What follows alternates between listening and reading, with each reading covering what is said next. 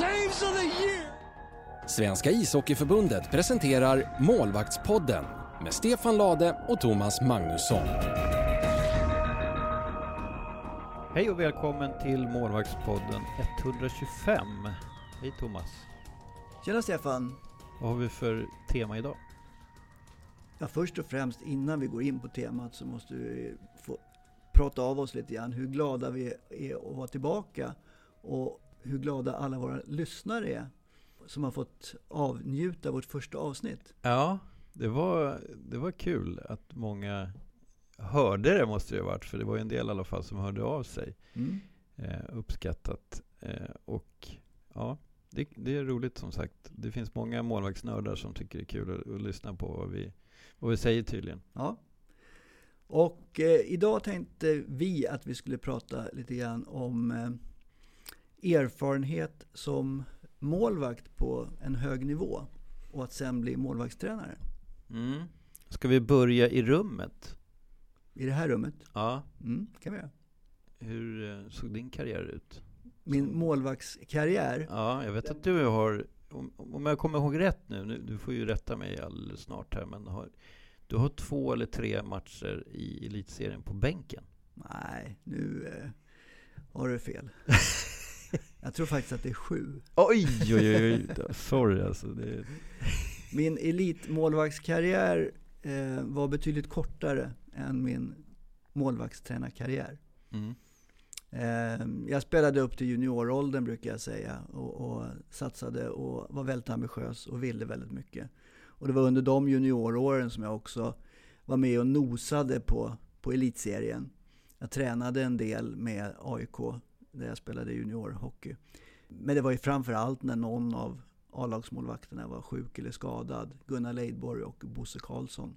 Och jag hade tur eller otur om man ska säga hamna precis i en skarv. Så att jag, det var faktiskt sju matcher på raken som jag var uppe och tränade och spelade.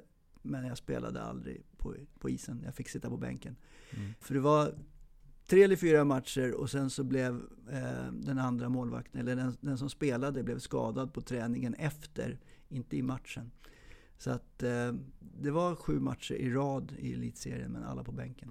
Så att min eh, elitmålvaktskarriär är väldigt, väldigt kort. Jag spelade några år sedan på en lägre nivå efter det, men började inrikta mig på målvaktstränarbiten eh, ordentligt redan då som 21-22-åring.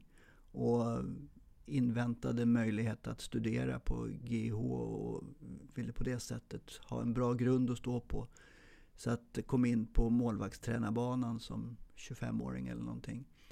Eh, och där har jag varit sedan dess. Så att mm. mina erfarenheter är, ligger väldigt långt tillbaka i tiden när det gäller spelet.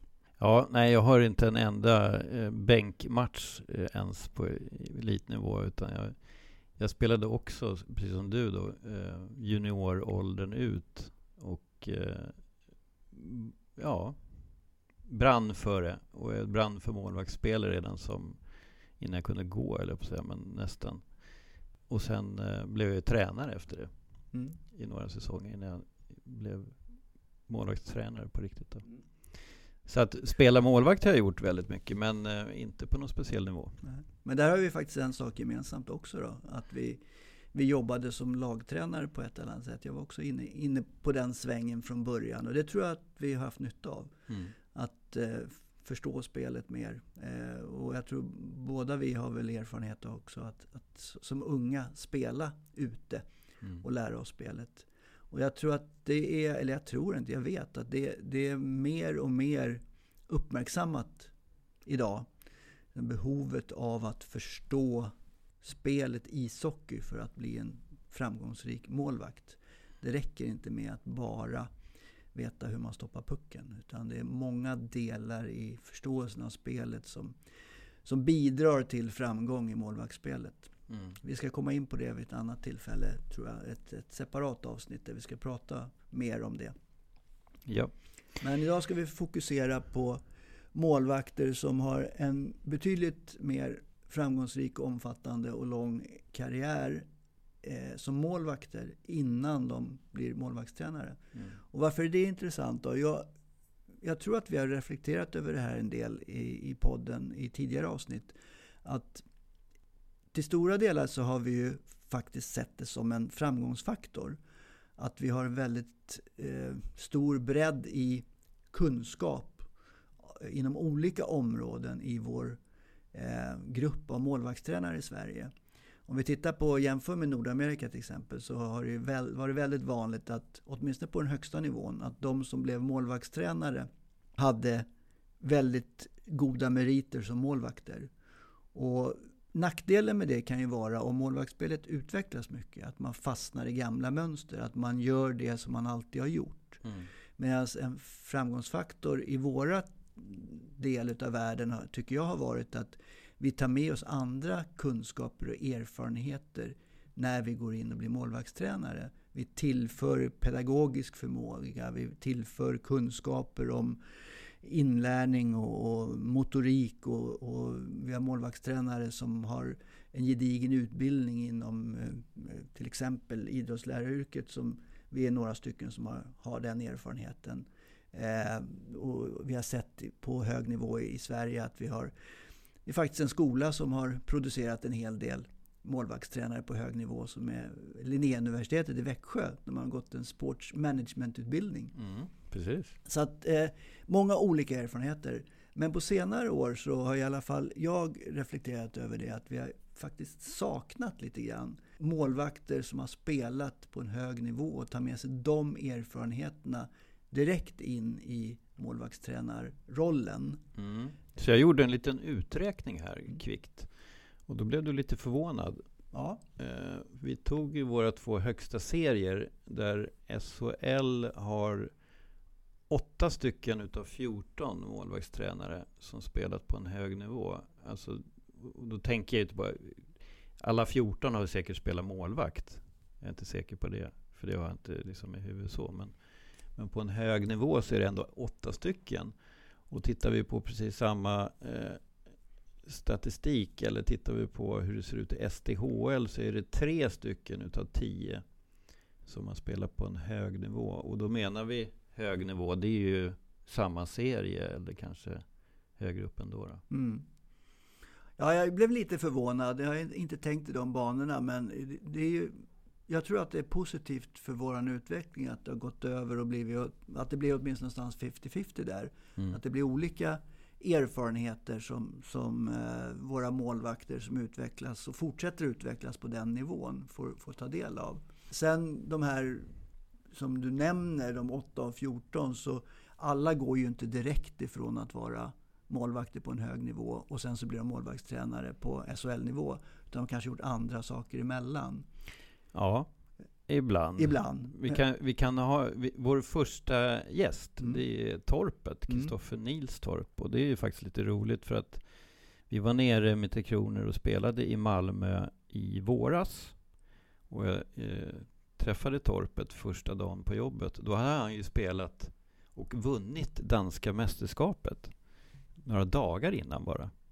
Och, och då direkt efter då så infann han sig på nya jobbet i Malmö Arena och skulle jobba med, med Malmö Redhawks målvakter. Så att han beskrev det där. Eh, han visste att det var den sista matchen han spelade som han vann, vilket betyder att de vann mästerskapet. Och han bara stod på isen och kunde inte, han bara, alla känslor kom samtidigt. Det här är det sista jag spelar och sen ska jag bli målvaktstränare. Så att det är inte alla, som du säger, som på några dagar går från att vara elitmålvakt till att bli målvaktstränare. Men vi frågade i alla fall Torpet, vad har du mest nytta av att du spelar så sent som förra säsongen och vilka är utmaningarna för dig som målvaktstränare? Nej, men jag känner att jag är hyggligt uppdaterad kring dagens målvaktsspel. Känner även att jag kan ha en större förståelse för vad mina målvakter säger och känner i spelet allt från de tekniska detaljerna till kanske de mentala bitarna och, och även förberedelserna inför, inför matcher och träningar liksom där, där jag kan dela med mig av mina erfarenheter, vad som, vad som funkar för mig och vad man kan tänka på kanske framförallt för, för min yngre målvakt eh, Daniel som är, som är ny på nivån. Utmaningarna har jag väl mest känt det här varit i datorbiten kring att tagga matcher. Eh, det har jag aldrig gjort. Jag har inte haft någon utbildning kring det utan har fått nöta mig fram och, och på så sätt liksom blivit bättre i det också och börja hitta rätt i den biten. Men det har absolut varit väldigt utmanande just med dator och jobba i, i program. Uh, och även då lära mig vad tränarna exakt vill ha och se från just uh, taggningen.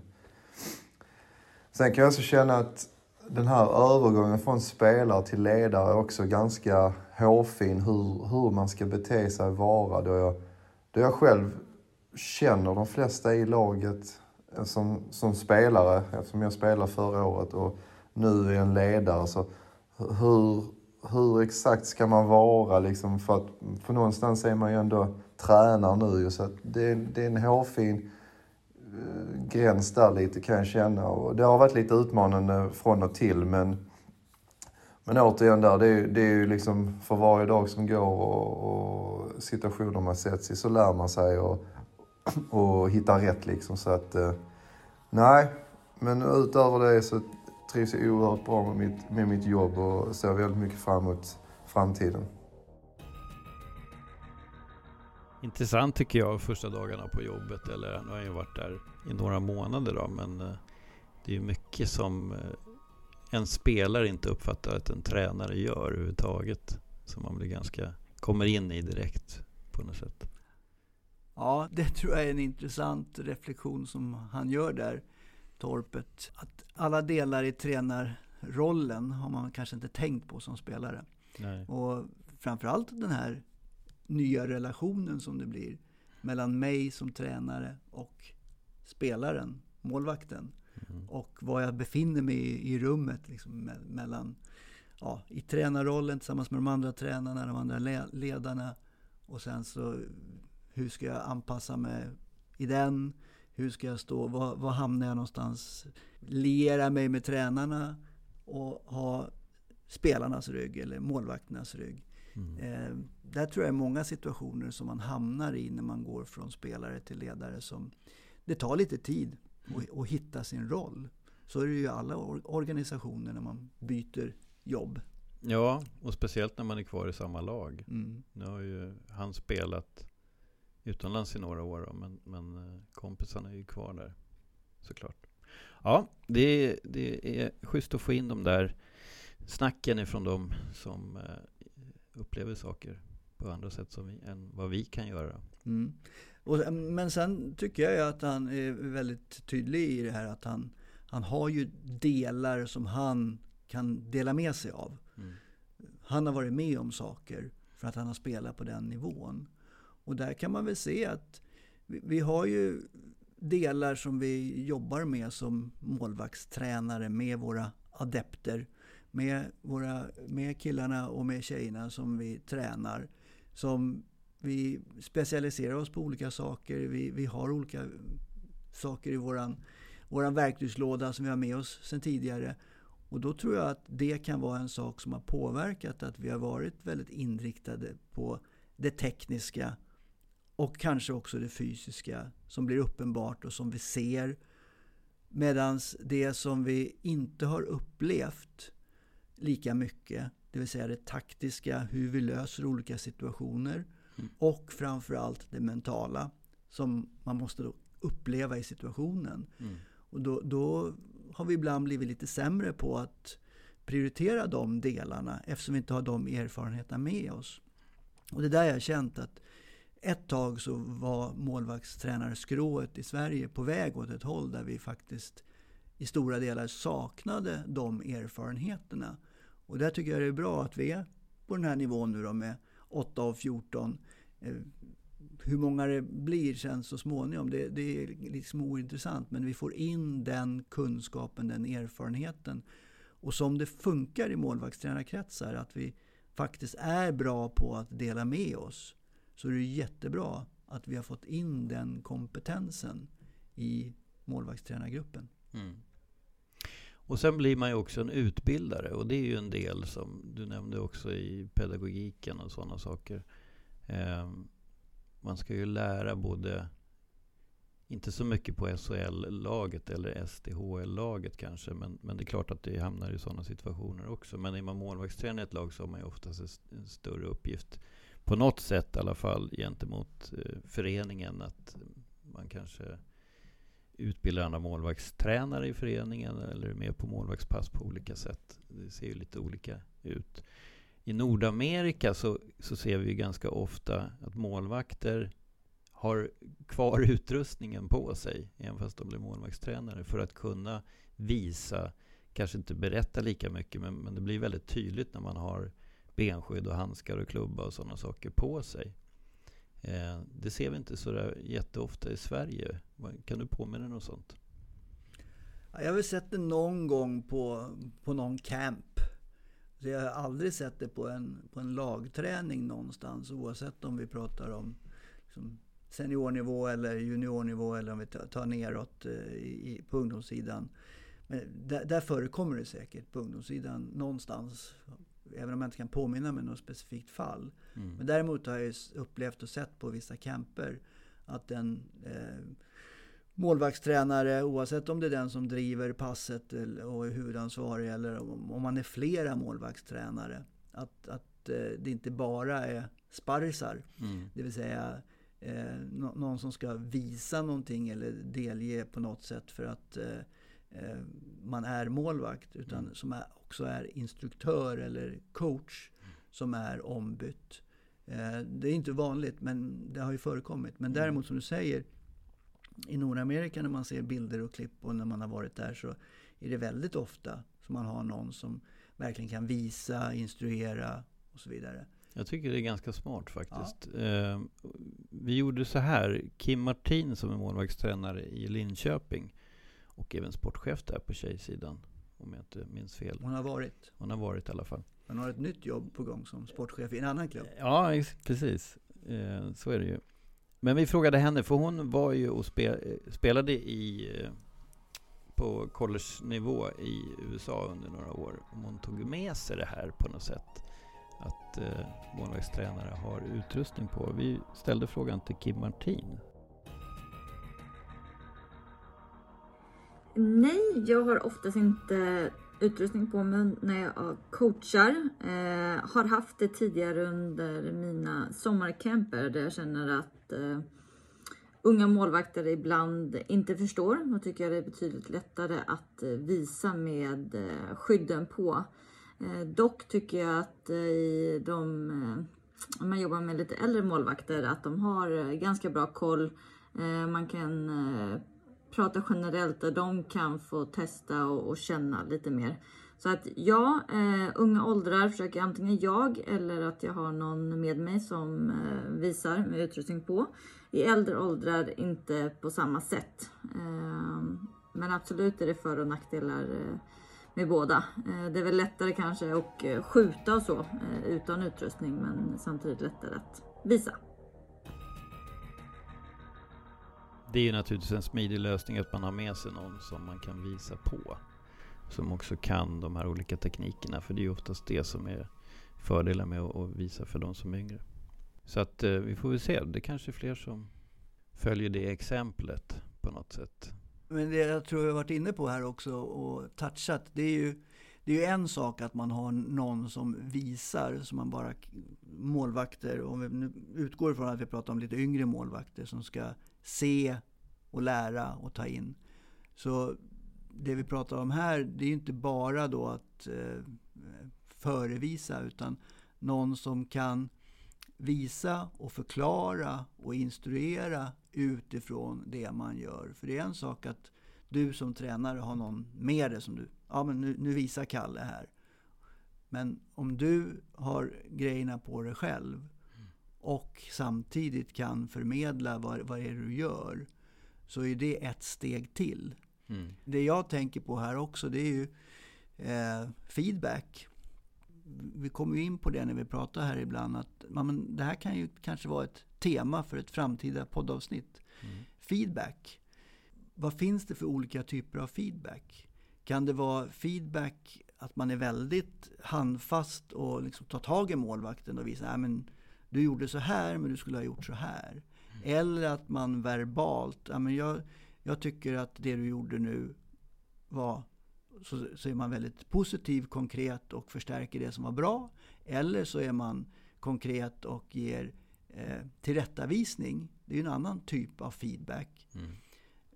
Det som jag tror att vi kommer att hamna i mer och mer i framtiden med de tankegångar som går nu i, när det handlar om att få ihop hur vi uppfattar saker och ting och hur vi ska få det till en aktion i målvaktsspelet.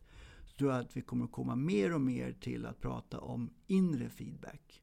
Det vill säga att du som ska lära dig någonting ger dig själv feedback. Mm. Och då blir den viktigaste uppgiften för oss som tränare, coacher, att ställa frågor så att individen själv kan känna om jag har gjort någonting som har varit framgångsrikt eller någonting som jag behöver ändra på. Mm. Om det var någonting som jag ska ta med mig och fortsätta bygga på eller om jag ska göra en förändring. Så att inre feedback där är någonting som jag tror vi ska prata väldigt mycket om framöver. Det är ett jättebra tema och det bygger ju lite grann, eller ganska mycket på att jag har en uppfattning om hur jag ska lösa situationen. Att jag har en plan med hur det här ska gå till. Så att jag, det är inte bara resultatet som är feedbacken, att det blev mål eller det blev inte mål. Utan eh, kom jag rätt, tajmade jag bra, eh, gjorde jag det som, som jag har tränat på i den här situationen och vill göra. Och det tror jag är väldigt vanligt på elitnivå. Att målvakterna har ju den uppfattningen alla gånger.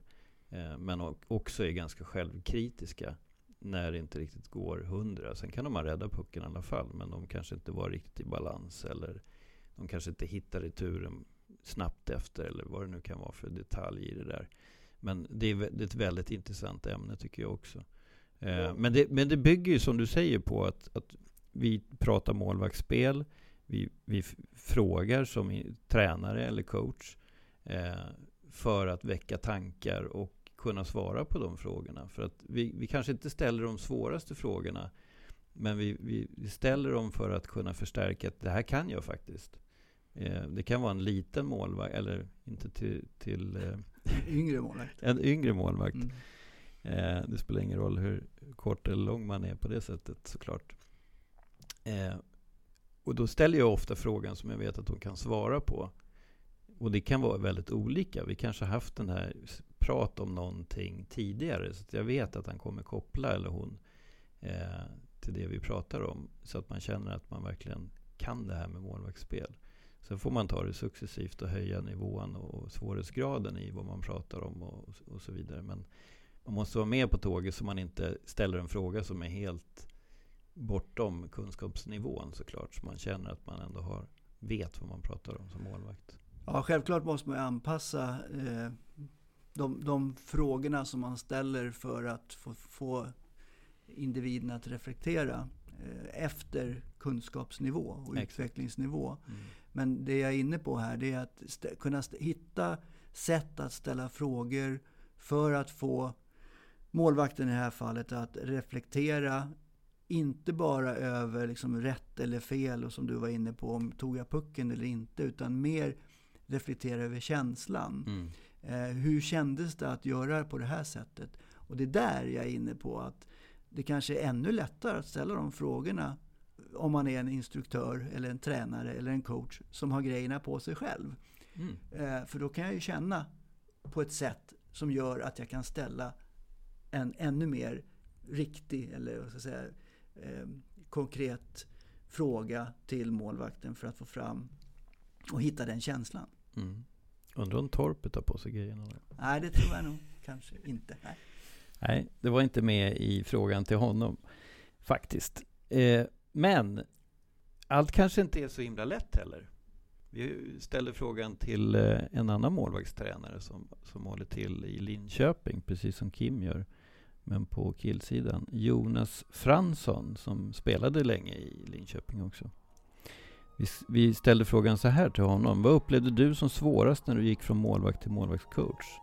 Vilka situationer kände du att du hade nytta att ha spelat på en hög nivå? Det jag upplevde var det svåraste med att gå från målvakt till målvaktstränare var att nu skulle man bygga spelidé och träningar efter någon annans svagheter och styrkor och känslor. Eh, så det gällde att hitta eller ha en väldigt bra dialog mellan varandra och verkligen testa sig fram eh, och inse det att, att det som jag hade var eh, inte alltid rätt utan det finns olika lösningar på, på ett problem till exempel.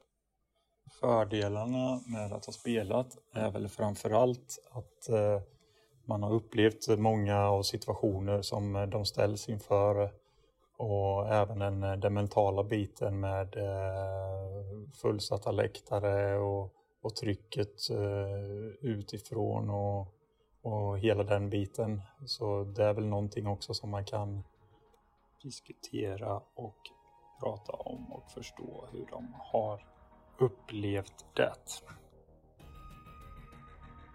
Det är ju sådana saker som jag tänker att eh, man har mest med sig som, som aktiv på en hög nivå. Det är ju de detaljerna som Jonas säger här också.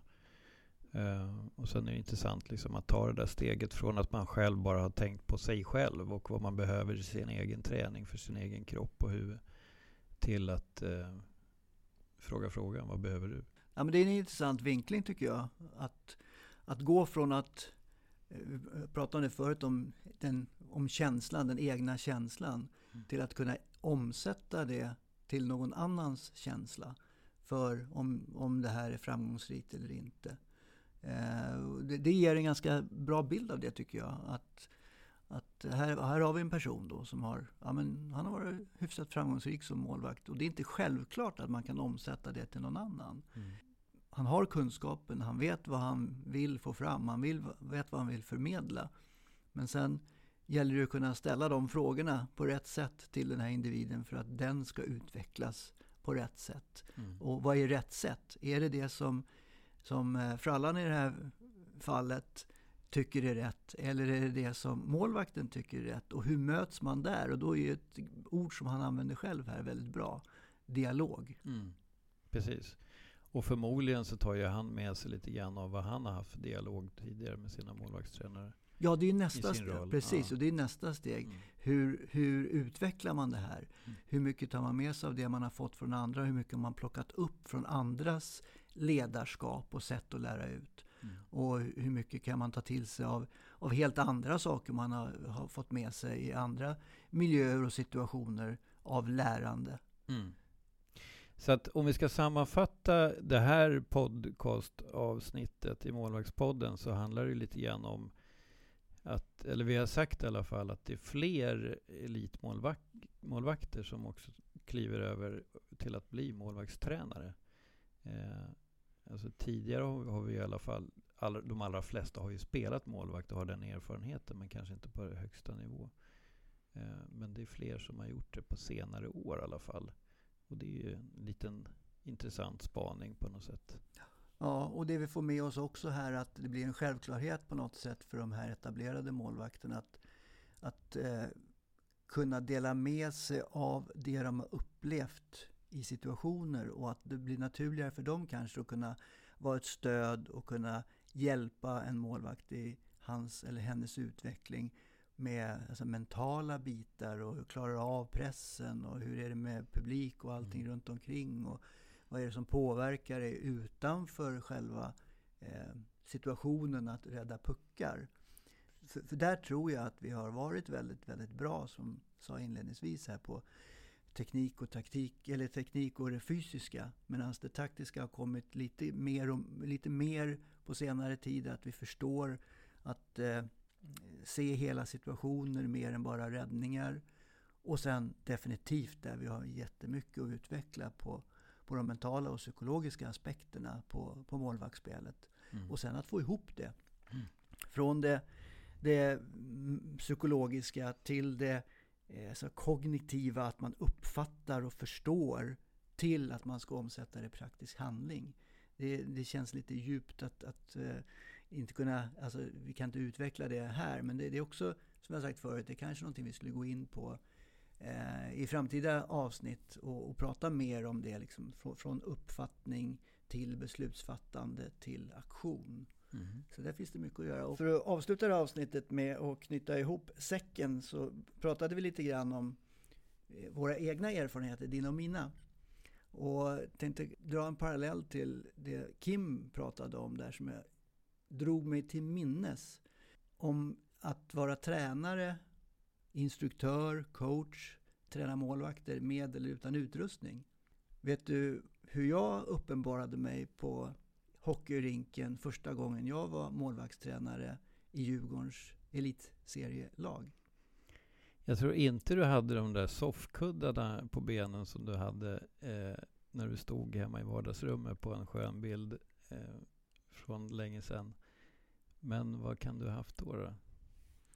Jag hade målvaktshandskar och målvaktsklubba. Ja, det hade du ja. Med tanke på det Kim sa där om att det, det, det kan vara lite problem att skjuta om du har målvaktsutrustning. Och det upplevde jag efterhand där.